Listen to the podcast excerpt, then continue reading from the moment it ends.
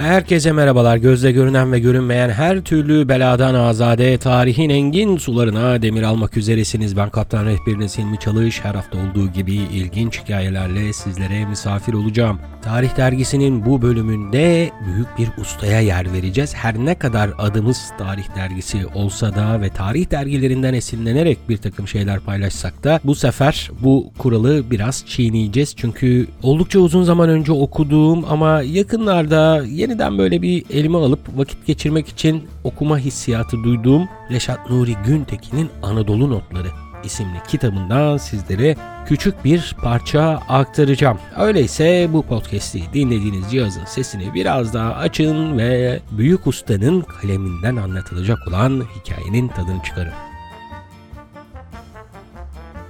Normalde bu haftaki bölüm için farklı bir içerik düşünmüştüm. Bu içeriği sizle paylaşacaktım ama e, dün itibariyle elime geçti Reşat Nuri Güntekin'in Anadolu Notları kitabı. Çok da gözden de kaçmış bir hikaye. Oldukça keyifli, komik de bir hikaye. Tabi buna bir de Reşat Nuri gibi bir ustanın kalemi de eklenince tadına doyum olmuyor. Dedim ki ya ben bunu kendi kendime okuyorsam ve bir zevk alıyorsam dinleyenlerin de zevk alacağını eminim. Öyleyse bu haftaki programı ona ayıralım. Şimdi her zaman olduğu gibi yine Reşat Nuri Güntekin'in hayatından küçük küçük bahsedeceğim. Her ne kadar bir yerlerden çalınsa da kulağımıza onun eserleri biraz da hayatına değinmekte fayda var. Reşat Nuri Güntekin 1889 yılında İstanbul'da dünyaya geliyor. Babası Askeri bir tabip olan Nuri Bey, annesi de Kars valisi Yaver Paşa'nın kızı Lütfiye Hanım'mış. İyi eğitimli bir anne, babanın çocuğu olarak da küçük yaşlardan itibaren babasının savaş doktorluğu nedeniyle devletin farklı farklı yerlerinde görev almasına bağlı olarak onun da eğitim hayatı farklı farklı yerlerde gerçekleşiyor. Ee, ama en son eğitimini San Josef Lisesi'nde bitiriyor. Oradan da Darülfünun yani İstanbul Üniversitesi'nin Osmanlı dönemindeki yansıması olan Darülfünun'un Edebiyat Şubesi'nde 1910 2002 yılında tamamlayıp öğretmenlik görevine başlıyor. 23 yaşından itibaren öğretmenlik yapıyor. E, Fransızca Türkçe öğretmenliği yapıyor. Ondan sonra İstanbul'a geliyor.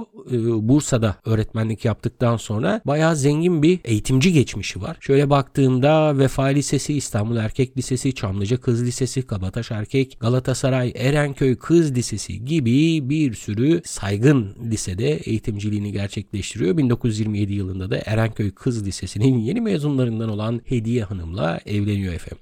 Onu da paylaştıktan sonra 1931 yılında marif müfettiş oluyor. Yani milli eğitim müfettişi oluyor. Haliyle de Anadolu'nun farklı yerlerindeki e, okulları denetlemek amacıyla yaptığı seyahatler bayağı birikiyor ve sonunda Anadolu notları isminde bir kitap olarak kendini buluyor. Bu ıı, aslında iki kitap olarak yayınlanıyor. İlk cildi 1936 yılında, ikinci cildi 1966 yılında yayınlanıyor. O da ilginç. 30 yıl var iki cildin arasında. E, hal böyle olunca da tabii onun değişimine, Anadolu'nun değişimine de bir şekilde uzaktan bir bakış atmış oluyoruz efendim. Daha sonra kültür ateşeliği yapıyor çeşitli elçiliklerde ve 1954 yılında Londra'ya gidiyor. Çünkü akciğer kanseri teşhisi konmuş olmuş büyük ustaya. Orada 1956 yılında da hastalığa yenik düşerek terki dünya ediyor. Bayağı zengin bir eser külliyatı var. Gizli El, Çalı Kuşu. Çalı Kuşu'nu 1922'de yazıyor bu arada. Damga, Dudaktan Kalbe, Yeşil Gece, Acımak, Yaprak Dökümü, Kızılcık Dalları, Benim En Sevdiğim Miskinler Tekkesi vesaire vesaire bunların hepsini yazmış. Yazdığı eserlerden bir tanesi de biraz sonra size bir hikaye paylaşacak olduğum Anadolu Notları.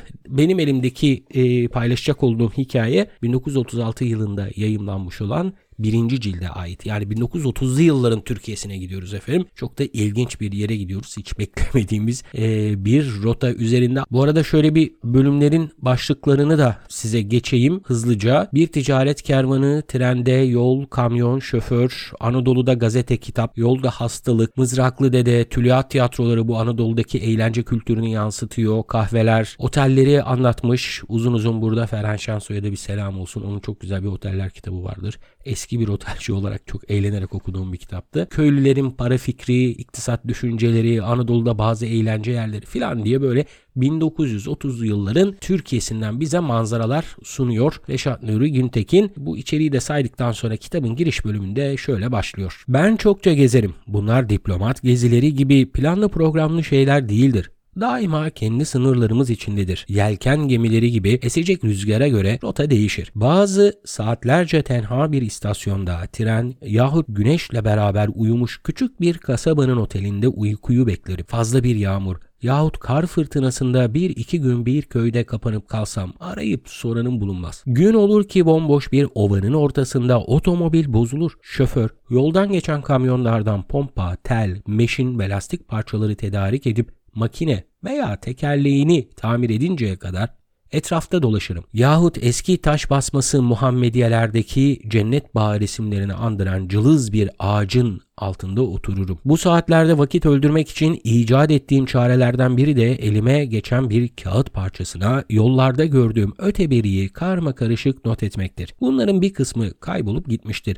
Fakat çantamın bir köşesinde birikip kalmış olanlar da bir tomar meydana getirecek kadar çoktur diye e, bu notları nasıl toparladığını anlatıyor ki zaten hani buraya kadar da ustanın hakim olduğu dile dair güzel bir örnek görmüş olduk. Yani sıradan bir gezi yazısı kitabı değil bu. Oldukça edebi metinler var. Ki hani şunu da söyleyeyim şimdi içinde bulunduğumuz dönemde e, sosyal medyanın da zenginleşmesiyle beraber gezi kültürü var. Sosyal medyaya, Instagram'a, YouTube'a gezi içeriği üreten işte YouTuber veya influencer dedikleri insanlar var. Ee, dürüst olmak gerekirse ben bunları çok sevemedim. Öyle diyeyim yani en kibar tabiriyle sevemedim çünkü e, derinliği yok. Yani o ortaya koydukları videoyu veya işte fotoğrafları vesaire incelediğim zaman da ya hep bir tarafı boş kalıyor ama işte belki de o boşluğu Reşat Nuri'nin bu bahsetmiş olduğu Anadolu notlarında edebi bir zenginlikle bulabiliriz. Şimdi elimdeki kitabın 160. sayfasında Otoray Yolculuğu adında Niğde Kayseri arasındaki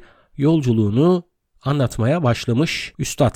Niğde'ye yaklaşıyorduk. Yanımda oturan bir Niğdeli şehrin eteğini saran ağaç kümeleri arasında pek iyi seçemediğim bir noktayı işaret etti. Faruk Nafiz'in hanı dedi. Büyük şairin han sahibi olduğu günleri de inşallah görürüz. Fakat yol arkadaşımın bana gösterdiği bina sadece Faruk Nafiz'in unutulmaz han duvarları şiirinde tasvir ettiği han idi. Şimdi burada nideli olanlar var mı çok emin değilim ee, veya dinleyenler varsa oralara hakim olanlar varsa bu han hala yerinde duruyor mu durmuyor mu İşin açıkçası merak ediyorum. İşte kültürel belleğin sürekliliği oldukça ilginç. Mesela St. Petersburg'a gittiğiniz zaman özellikle Dostoyevski'nin yazmış olduğu eserleri barındıran mekanları görme şansınız var ama maalesef bu kültürel e, belleğin sürekliliği bizde çok hakim değil diyeyim. Küçük bir iğneleme olsun. Bu da oradan devam edelim. Kıyafetinden anlaşıldığına göre Nideli arkadaş bir esnaf yahut işçiydi.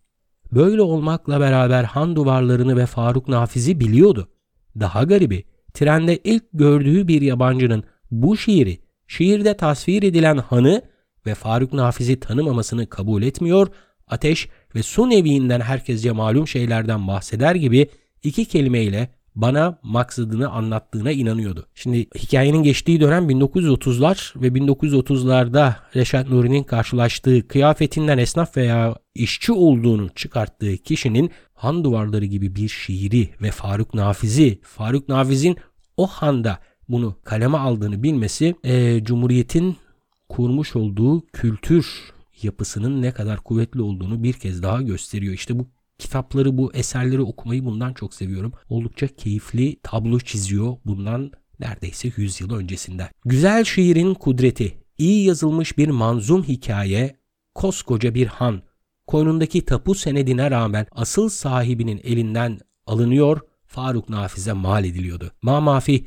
arabamızda ayakta duran ve bizi dinleyen uzun boylu bir sakallının yok yahu o falancanın hanıdır diye ötekinin mal sahibinin hakkını da kurtardığını itirafa mecburum diye anlatıyor. Ondan sonra seyahatinden bahsedip devamında Andaval diye bir başlık açmış. Bakalım neymiş bu Andaval? Otorayda istasyon kaydı da pek yok. Makinist istediği yerde bir parçacık durabiliyor. Bu otoray dediği de aslında otobüs gibi yani kuşetli vagon olarak andığımız şeyin o dönemki adlandırılması. Bir geçitte bir dakikaya kadar istasyon yaparak geçit bekçisiyle yarenlik ettik. Bu tek bacaklı bir köylüydü. Makiniste para vererek Kayseri'den galiba kuru soğan ısmarladı. Tekrar yola koyulduğumuz zaman makinist bana izahat verdi. Yol amelesiymiş. Bir gün nasılsa bir tren kazasına uğramış bir bacağını kaybetmiş. Adamcağız hastanede tedavi ettikten sonra tazminat olarak bu geçide bekçi yapmışlar. Her ay tıkır tıkır maaşını alıp geçidin yanında kulübesinde yan gelip yatıyormuş. Zavallı adam belki ayaklarından birini kaybettiği yeri aylıklı bir memur olarak saadetinin başladığı nokta gibi görüyor. Neyse devam ediyor ondan sonra küçük bir anekdotu paylaştıktan sonra. Niğde'den epeyce uzaklaştıktan sonra yol arkadaşlarımdan birine buralarda bir andaval olacak dedim. Acaba ne vakit geleceğiz? O eliyle yolun sağındaki bir tepeyi gösterdi. Na işte biraz evvel geçtik dedi.